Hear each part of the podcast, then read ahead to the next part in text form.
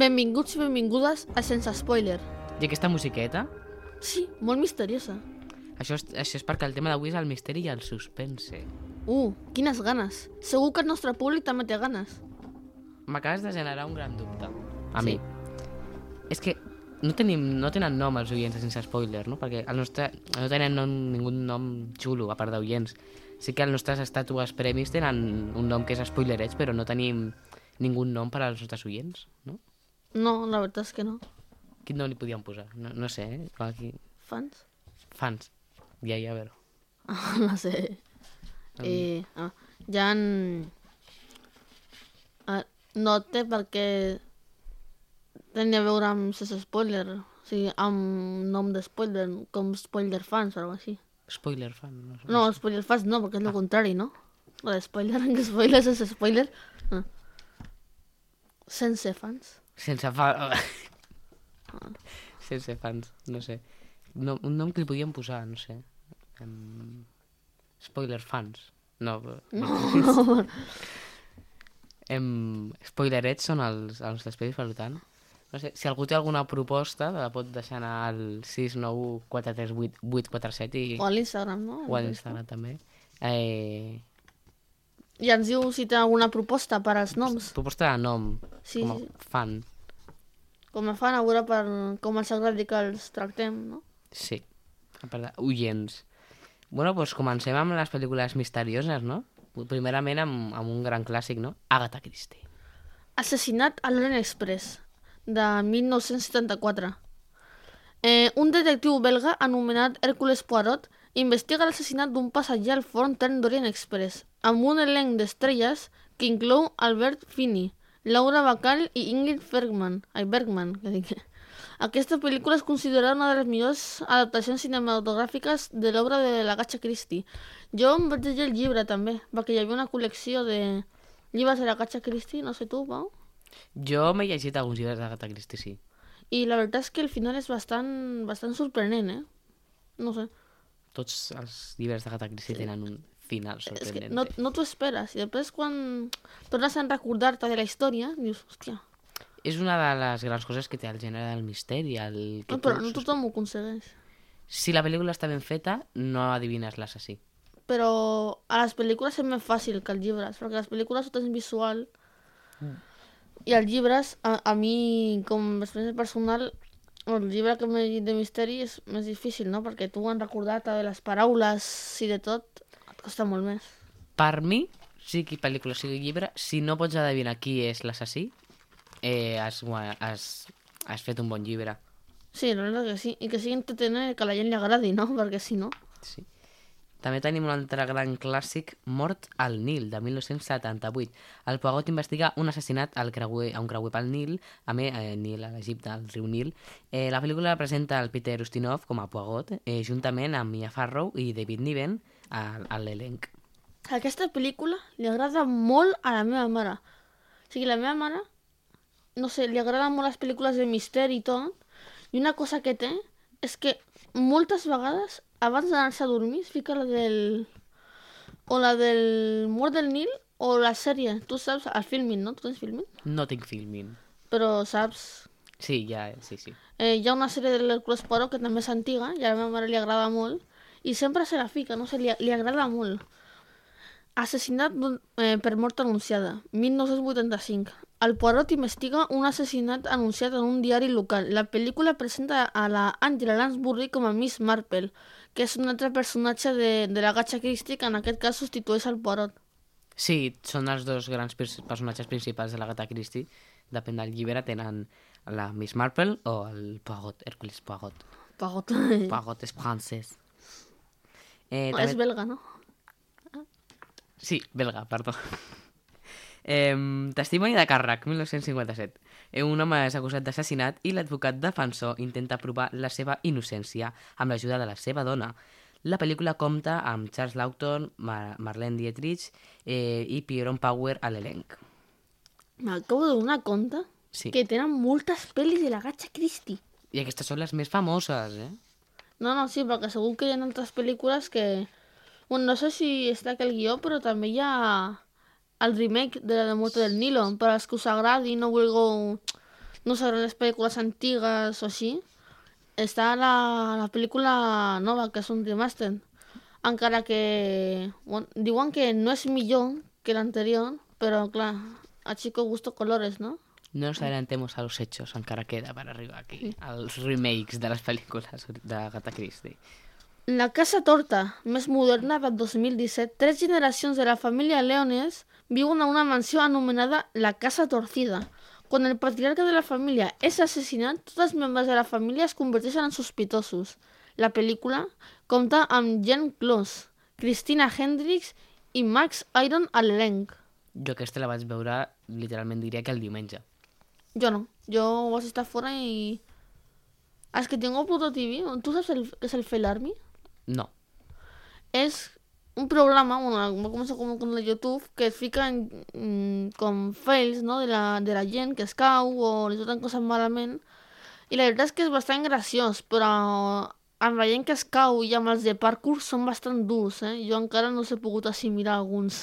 És que hi ha algunes vegades que em fa mal fins i tot a mi, saps? Això és com un programa que hi havia, no sé si segueix, a l'MTV que es diu, que es deia o es diu Vergüenza Ajena, que és bàsicament vídeos de gent fent tontades i que al final les maten. Ah, És que les coses al final porten a... Clar, això. Bueno, També tenim l'assassinat de Roger Acriot, del 2000, aquesta ja estem a, a modernisme. Un home és assassinat a casa seva i el seu amic, el doctor James Shepard, investiga el cas. La pel·lícula presenta el David Suquet com a Poirot, eh, o Poirot, juntament amb el Philip Jackson i l'Oliver Ford Davis a l'elenc. Seguim amb el Parany, del 1950. Aquí tornem a tornar enrere. O sigui, això és un tira i afloja, no? Eh, un home intenta escapar de la seva vida i assumeix la identitat d'una altra persona. Tot i això, aviat s'adona que la vida de la seva nova identitat és molt més complicada del que s'esperava. La pel·lícula compta amb el Joseph, Joseph Content i la Alida Bali a l'elenc. La ratonera, 1952. Un grup d'estranys queda atrapat en una posada a causa d'una tempesta de neu i aviat s'adonen que, és un, que un d'ells és un assassí. La pel·lícula compta amb Margot Jones, David Raven i Richard Attenborough a l'elenc. Els 10 negrets o los 10 negritos, 10 persones són convidades a una illa i aviat comencen a ser assassinades una per una. La pel·lícula compta amb Barry Fitzgerald, Walter Huston i Louis Hayward a l'elenc. Eh, aquesta van fer una sèrie, crec. Sí, sí, ja la tinc ja preparada, però perquè han canviat coses i tot. Jo, jo tinc una anècdota molt gran, és que aquesta sèrie la vaig veure amb la meva família fa bastant de temps, sí, com fa, fa potser do, dos anys, no sé si, dos anys. Eh, I, bueno, serien episodis de 45 minuts, una hora, ¿vale? Què passa? Que vam acabar de sopar Hm. i eren com 9 i mitja o així, era un dissabte, i vam dir, anem a veure alguna cosa, i diu el meu pare, que és el de que el cinema, hi ha una sèrie de Gatxa Christie que és els nou negrets, i diu la meva mare, ostres, m'agrada molt, anem a veure-la. Veiem el primer episodi, les 11, diem, bueno, està bastant bé, mirem el següent, És que són llargues Sí, aquestes. No, veiem, veiem el següent i diu la meva mare, bueno, està molt xula, veiem un altre i a dormir, i el següent ja l'acabem. Vam acabar l'episodi a les 12 i mitja, 12, quasi la una, i ens quedava només un. I, i com ens estava enganxat a tots, diem, bueno, el veiem i ja està. Es van quedar fins la una i mitja o així, i vam vaig ara arribar al llit, bueno, com si m'haguessin donat una pallissa, perquè no m'aguantava. Sí, és una pel·lícula que... Una- Una... Soldaditos, però Una això sèrie, ja... sí. ja direm. Eh, cita amb la mort, del 1988. El Pagot investiga la mort d'una dona en un viatge a l'Orient Mitjà. La pel·lícula presenta el Peter Ustinov com a Pagot, juntament amb Laura, ba amb Lauren, amb Laura no, Lauren Bacall i Piper Laurí a l'elenc. Bueno, però s'ha estrenat una nova saga de pel·lícules adaptades del llibre. És una nova versió de Fox. Així és, tenim una nova adaptació d'Assassinat a l'Orient Express, com tu ja molt bé deies abans, del 2017, amb algunes cares conegudes, amb la- mateixa trama, però amb algunes cares conegudes com Kenneth Branagh, Johnny Depp o Michael Pfizer, que aquesta no sé pronunciar molt bé el nom, li direm com la vacuna, podcast, per cert, no patrocinat per Pfizer, però Pfizer no opteu a trucar al 691 438 827. Bueno, I aquí tenim una adaptació del 2022, com he dit abans, de, de Mort de Nit amb Kenneth Branagh, Gal Gadot i Armie Hammer. Sí, és una pel·lícula molt, molt recent present a Disney Plus i també per als fans que s'agraden aquests remakes també tenen una nova adaptació planejada pel 2023-2024 que es diu A Haunting in Venice. Però si jo us dic A Haunting in Venice no saps de quin llibre t'estic parlant, no? Ni segurament ningú del públic tampoc. Halloween Party? Si ens segueix el guió, eh, aquest nom no us sonarà. Eh, I tampoc sabreu el llibre. Està esperat amb el llibre de Halloween Party que tampoc coneixereu perquè a Espanya es va traduir com Les, Les manzanas. Bueno, jo tinc moltes ganes de veure aquesta última, la veritat. Eh, jo i tu vam veure una adaptació de Diez Negritos que, com no és políticament correcte aquest nom, es va traduir com a Diez Soldaditos. La cançó no. i tot es va traduir a Los Diez Soldaditos. No, no com la cançó del Colacao, no? I les noves adaptacions d'Agatha Christie, jo que vaig veure la Casa Torcida fa uns pocs dies, ja s'estan fent més adaptades a l'època actual i corregint cosetes. Sí, perquè, clar, com els temps canvien, hi ha coses que diuen abans o així que ara estan potser mal vistes, o coses que diem ara que abans estarien mal vistes, no? És un, un bucle del temps, no? Una mica. Eh, bueno, jo vaig veure fa poc la pel·lícula de Punyales per l'espalda, la primera i la segona, el Glass Onion. Sí, sí eh, la qual em va semblar un pel·lículon, em va semblar molt emocionant. Eh, bueno, la segona part, més de lo mateix. No, jo no sé si la vas veure tu, però a mi sí. em va encantar, la vas veure la família i molt intensa, la veritat. Doncs jo no puc dir el mateix d'Assassinatos en el mar, una pel·lícula que es va estrenar just quan Panyeles per l'espalda, una pel·lícula amb Adam Sadler i Jennifer Aniston, eh, en la qual uns detectius, que no són detectius ni res, són una parella, eh, es troben enmig d'una investigació criminal i decideixen ser ells els detectius.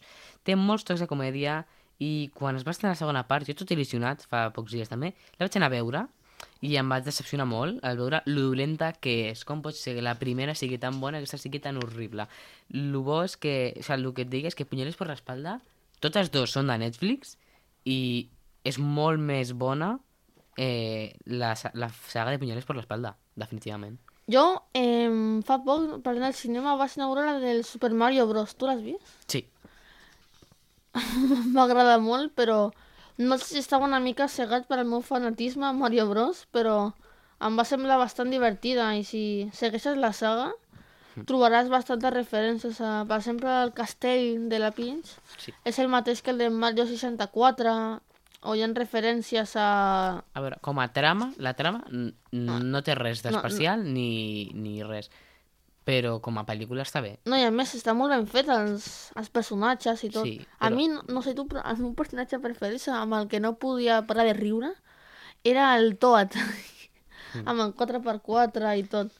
Eh, el que com a trama sí que no és bona. No, no sembla... com, a, com a trama no té res. Com a trama, com tots els jocs de Mario de Zelda, que és la princesa atrapada i vas, vas a rescatar-la.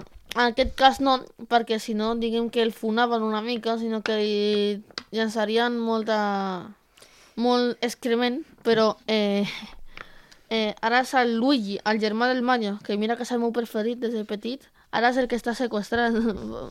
Quina gràcia, no? Bueno, la temàtica del misteri és molt àmplia i podíem estendre-nos molt en pel·lícules d'Agatha Christie i pel·lícules que també, algunes que podien entrar entre el terror, però eh, ja que hem fet el recull d'Agatha Christie, hem decidit també fer un recull de pel·lícules de totes les èpoques, més enfocades a provocar un suspens i uns nervis i una tensió i no pas tant uns ensurts terrorífics. Bàsicament és un suspens que manté el tema misteri tenim el, algunes pel·lícules. Eh, sí. Eh, bueno, eh, El nom de la rosa. Una pel·lícula de Italo-Franco-Germana. Oh, eh, Italo-Franco-Germana de 1968 dirigida per Jean Jacques Arnaud basada en la novel·la de homònima d'Hubert Deco. La història fidel al llibre està ambientada en l'edat mitjana, on aborda on, on estan passant una sèrie d'esdeveniments estranys i la mort en estranyes circumstàncies d'alguns monjos. Per ajudar a aclarir el que està passant, entra en acció un frare franciscà, interpretat per Sean Corney. Aclarir què està passant. Entra en acció... Eh, no, sí.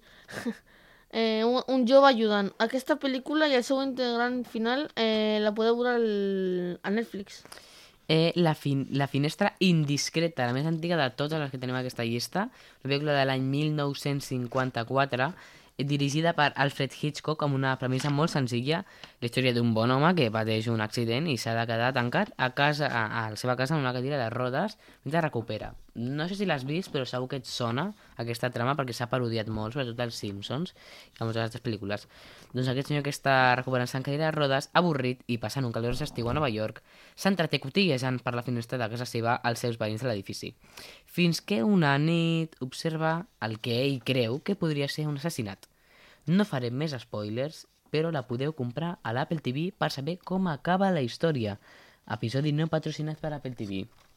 Eh, El silenci dels anells, pel·lícula del 1991 dirigida pel Jonathan Dim, l'adaptació d'una novel·la del Thomas Harris. Aquest és un film de suspens psicològic on una jove agent en pràctiques de l'FBI interpretada per Jodie Foster ha de demanar ajuda a un criminal conegut eh, com a Hannibal, el caníbal, Lecter, interpretat per Anthony Hopkins. S'inicia en lloc psicològic entre, que, entre ells la trama principal de la pel·lícula. Va ser guanyadora de 5 Oscars a la millor pel·lícula, guió, director, actor i actius principals. La podeu trobar a l'Amazon Prime i a l'Apple TV, no patrocinat. Classicaza de Aníbal el Caníbal, és una, és una clàssica. Jo no me l'he vist. Em, em sona moltíssim Cannibal, el nom en anglès, Aníbal- però... Sí, Aníbal, bueno, caníbal eh, vol dir caníbal, però Aníbal el caníbal segur que has vist eh, la màscara aquesta rara eh, i la típica escena del, del món amarillo i així al... com en una carretilla. No, no, no em sona ara. No em sona. Bueno, Seven, una pel·lícula de suspens sobre assassins en sèrie, escena de l'any 1995 i dirigida per David Fincher, ha protagonitzat una parella de detectius interpretats per Morgan Freeman i Brad Pitt, que investiguen els assassinats d'un criminal que ho escenifica, mo- que escenifica molt bé les seves víctimes amb un dels seus set pecats, dels seus set pecats capitals. Les seves escenes fosques i molt ben ambientades no poden ser aptes per a tots els públics, però la podeu trobar a l'HBO i al Prime Video. Aquesta, aquesta pel·lícula me la va recomanar el meu pare, però me la va recomanar molt. O sigui, va haver una època que la volíem veure, la volíem veure, però no la acaba de veure i se li va passar. I continuem amb pel·lícules de suspens Made in Spain. En altres, estrenada l'any 2001, que va ser la consagració fora d'Espanya, protagonitzada per la Nicole Kidman. Els altres explica la història de la Gris, una dona que viu en una casa aïllada a Anglaterra. Poc després de la Segona Guerra Mundial, allà educa tota, tota sola els seus dos fills, que pateixen una estranya malaltia que no es permet que els hi pugui tocar directament la llum solar.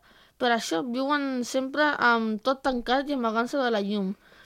Fins que un nou servents arriben a la casa i amb ells tot un seguit de successos estranys provoquen altres. Podeu veure la pel·lícula al Prime Video i al Disney Plus. Eh, bueno, una pel·lícula que... Bueno, una classicaza també del... del d'Alejandro Alme Almenábar. Eh, Però és una pel·lícula espanyola Sí. que passa a, Estats- a Anglaterra. és una pel·lícula espanyola que no té ningú... Bueno, que el càsting, com, com tu m'has dit, no és, eh, no és espanyol i té algunes...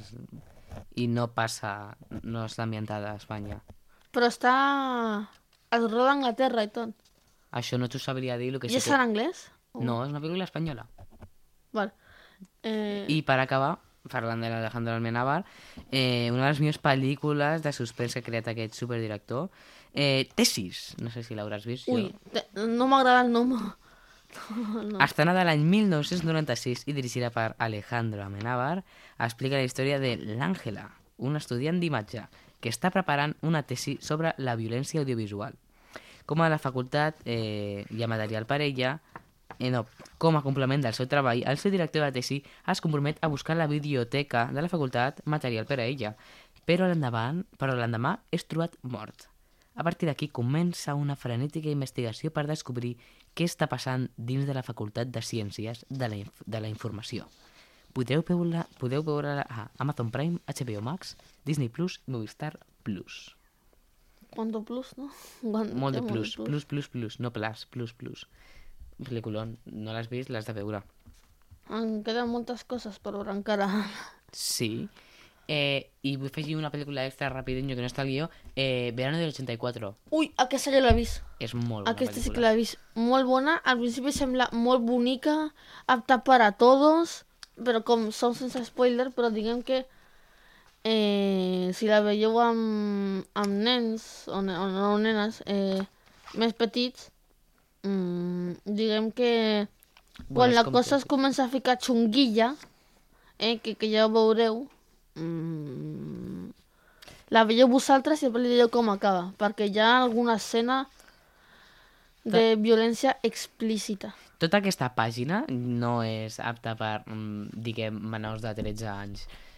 Perquè, bàsicament, normalment l'assassinat, el tema tampoc és un tema molt apte. No, no, però no, no és per Sí, el tema, ja, perquè, ja. per exemple, que des de petit, quasi des de bastant... bueno, molt petit no, però des de 9 anys així veig pel·lícules d'acció amb el meu pare. I, I no hi ha ningú problema, jo no sóc una persona violenta. O sigui, jo quan veig una persona que està disparant amb una altra, jo no, no, no, no vull agafar una pistola, com diuen que fan als Estats Units, i començar a matar gent, saps? O sigui, això va depèn del tarannà de la persona, no? No creus? Bueno, eh, la màquina del temps. Deixem de parlar d'armes.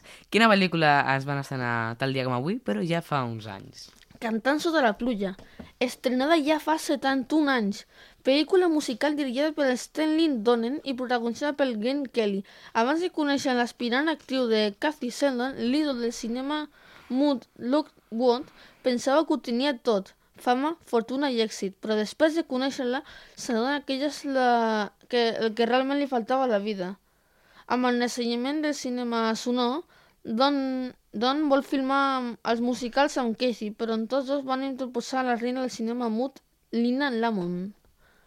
La podeu veure a l'Arxive Max. Singing in the Rain, clàssica també. Cita amb la mort. Estrenada fa 35 anys, pel·lícula de misteri basada en la novel·la pregunta, d'Agatha una Christie. pregunta. Aquesta és, és sense so. Com? Aquesta pel·lícula, la que no és de la pluja, sense No, so. no. Ah, no, si dins de la pel·lícula roden sense so. Lo, lo que t'està explicant és... T'està explicant una mica la trama, que és un productor, bueno, a l'època muda, que s'ha inventat el so i vol gravar musicals, però... Ah, després- clar, no té so, no? Bueno, da igual, seguim. Eh, cita amb La mort, pel·lícula de l'Agatha de la qual ja hem parlat, sí, eh, la, la tinc aquí al guió, a la- a l'altra part del guió.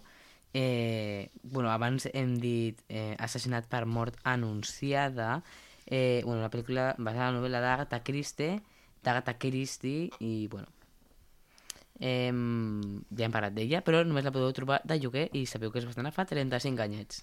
Sí, sí. Delicatessen, estrenada fa 32 anys. Pel·lícula francesa de ciència-ficció, comèdia, fantasia. Aquesta comèdia negra i surrealista ens explica sobre un petit poble postapocalíptic on Chuck Clappett, el carnisser, alimenta els seus clients amb carn humana, quan la seva filla s'enamora de la víctima següent. Les coses es comencen a torçar. Només la trobareu de lloguer. Eh, no et van dir a tu que si menjaves carn humana et comen... O sigui, eh, parlant d'això, del toc realistes a les pel·lícules, Hm, digue'm, digue'm.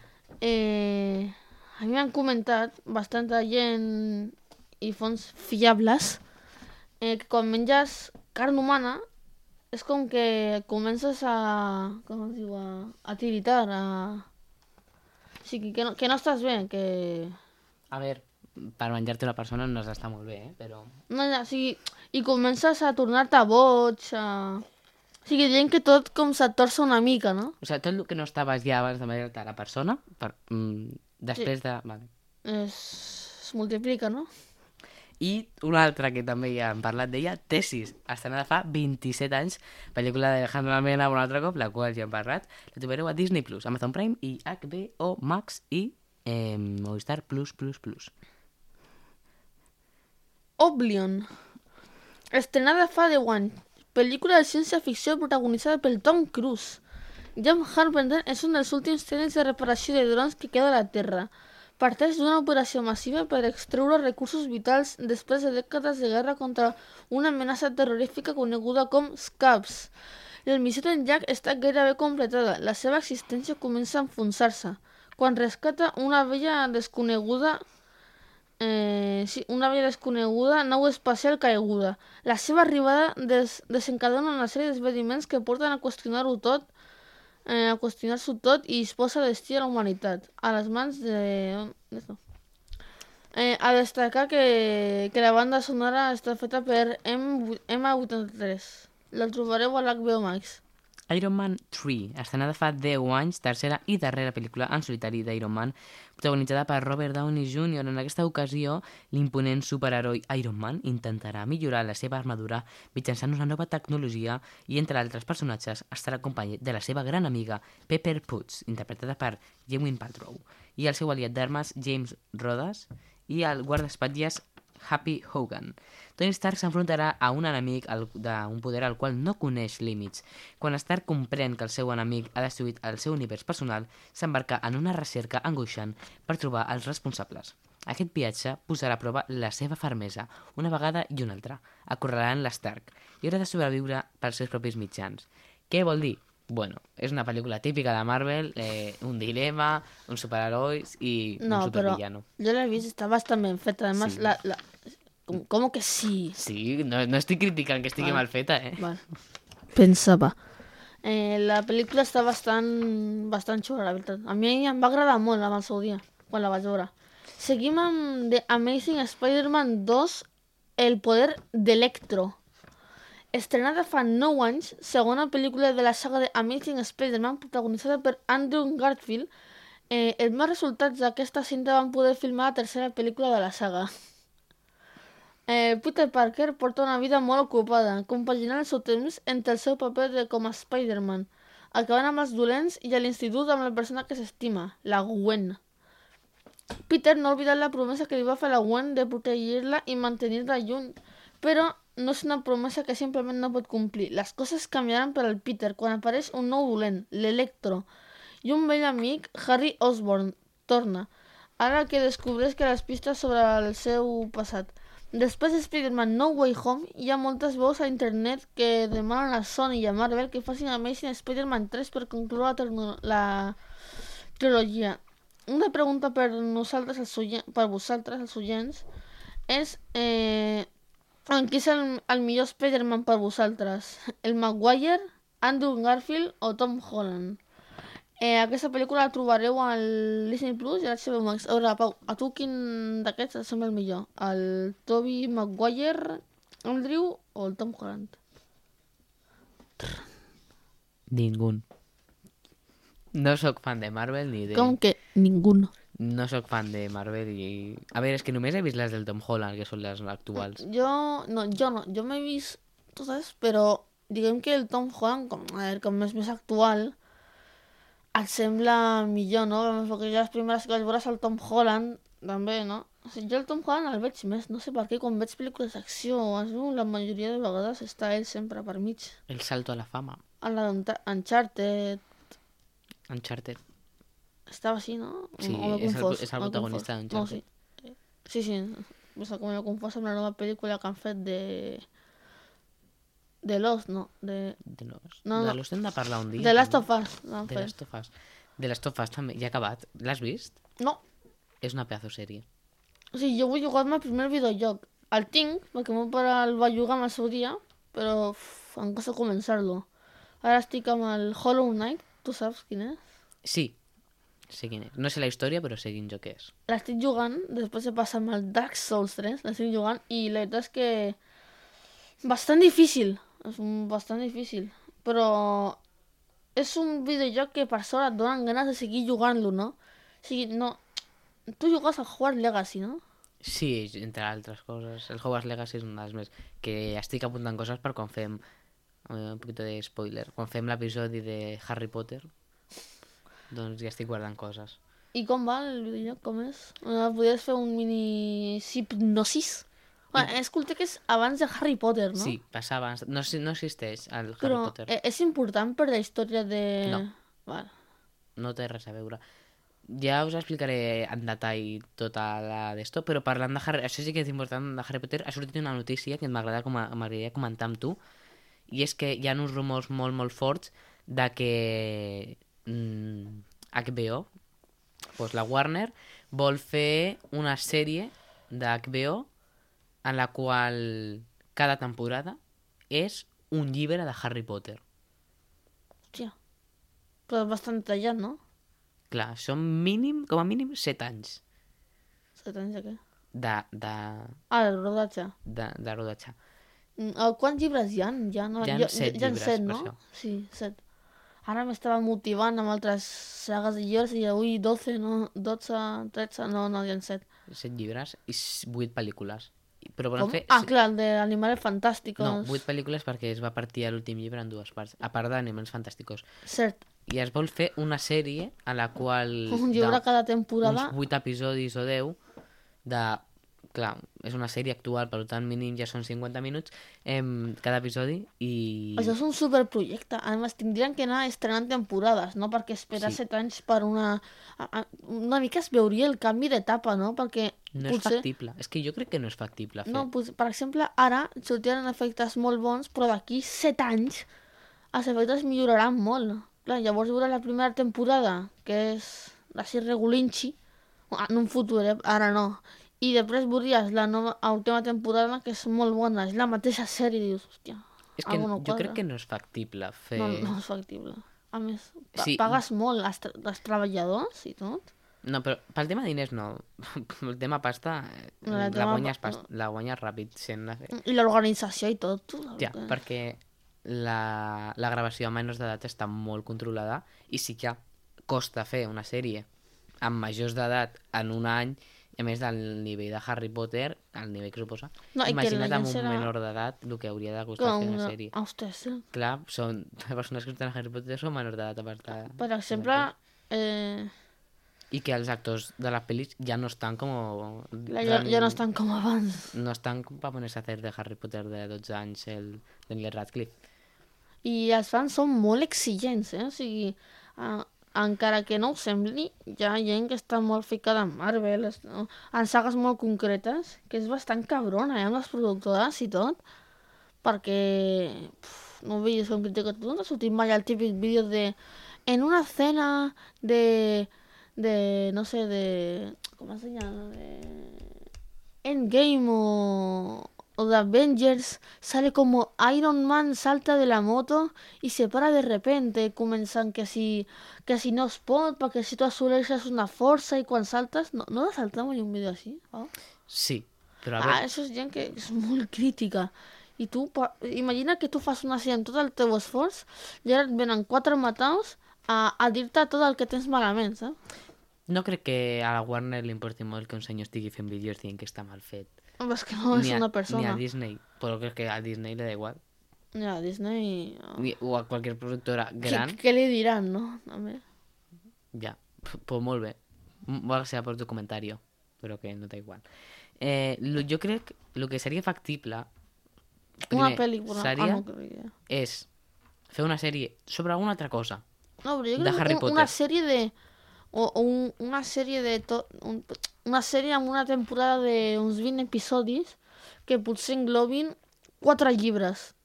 Però és molt difícil adaptar-ho. No, ja. Però és més factible que una temporada per cada llibre. No, perquè al final és el mateix. Les hores de producció mínim ha de durar No, una ja, hora però i mitja és, cada és, episodi. és més resumit, més resumit. O sigui, si tu en un episodi potser comptes mig llibre, així vas, en una temporada potser faig quatre llibres. Però la producció serà la... hauràs de produir el mateix, hauràs de fer els escenaris i tot igual. Potser hi ha escenes que t'estalvies.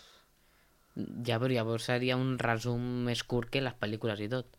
I eh, jo el que crec que seria molt interessant és fer una sèrie o Clar. una pel·lícula de coses que no hagin sortit. Com, el... com la Animales història del. Hogwarts Legacy es podria fer perquè té Però història. Howard Legacy té història? Sí, té història. I es podria fer una sèrie més factible. O una sèrie d'animació de tots els llibres sí que podria ser factible. Hi ha a- animació, clar, animació és molt més factible. I podria ser amb els personatges originals dels llibres, com es van pensar originalment. I l'animació que deia el Howard Legacy té, té online? Sí, No. per jugar amb amics? No. No. No pots jugar amb amics? No. Si només pots jugar sol, alone. Sí, com els jocs com el de Last of Us i tots aquests també són... Però no tens... Clar, és com un The Witcher, no? Més o menys, saps el que és? El The Witcher? Sí, és un RPG. eh, RPG? RPG. Pues normalment tenen online. Ja, però... En un No- futur no potser el treuen, no? No, O- no, o- no el o- tenen plantejat O treure. poder jugar amb amics? Ja, però que no ho tenen plantejat treure. perquè els hi seria un cost que no... Bueno, que els servidors i tot també, també suma, no? Clar.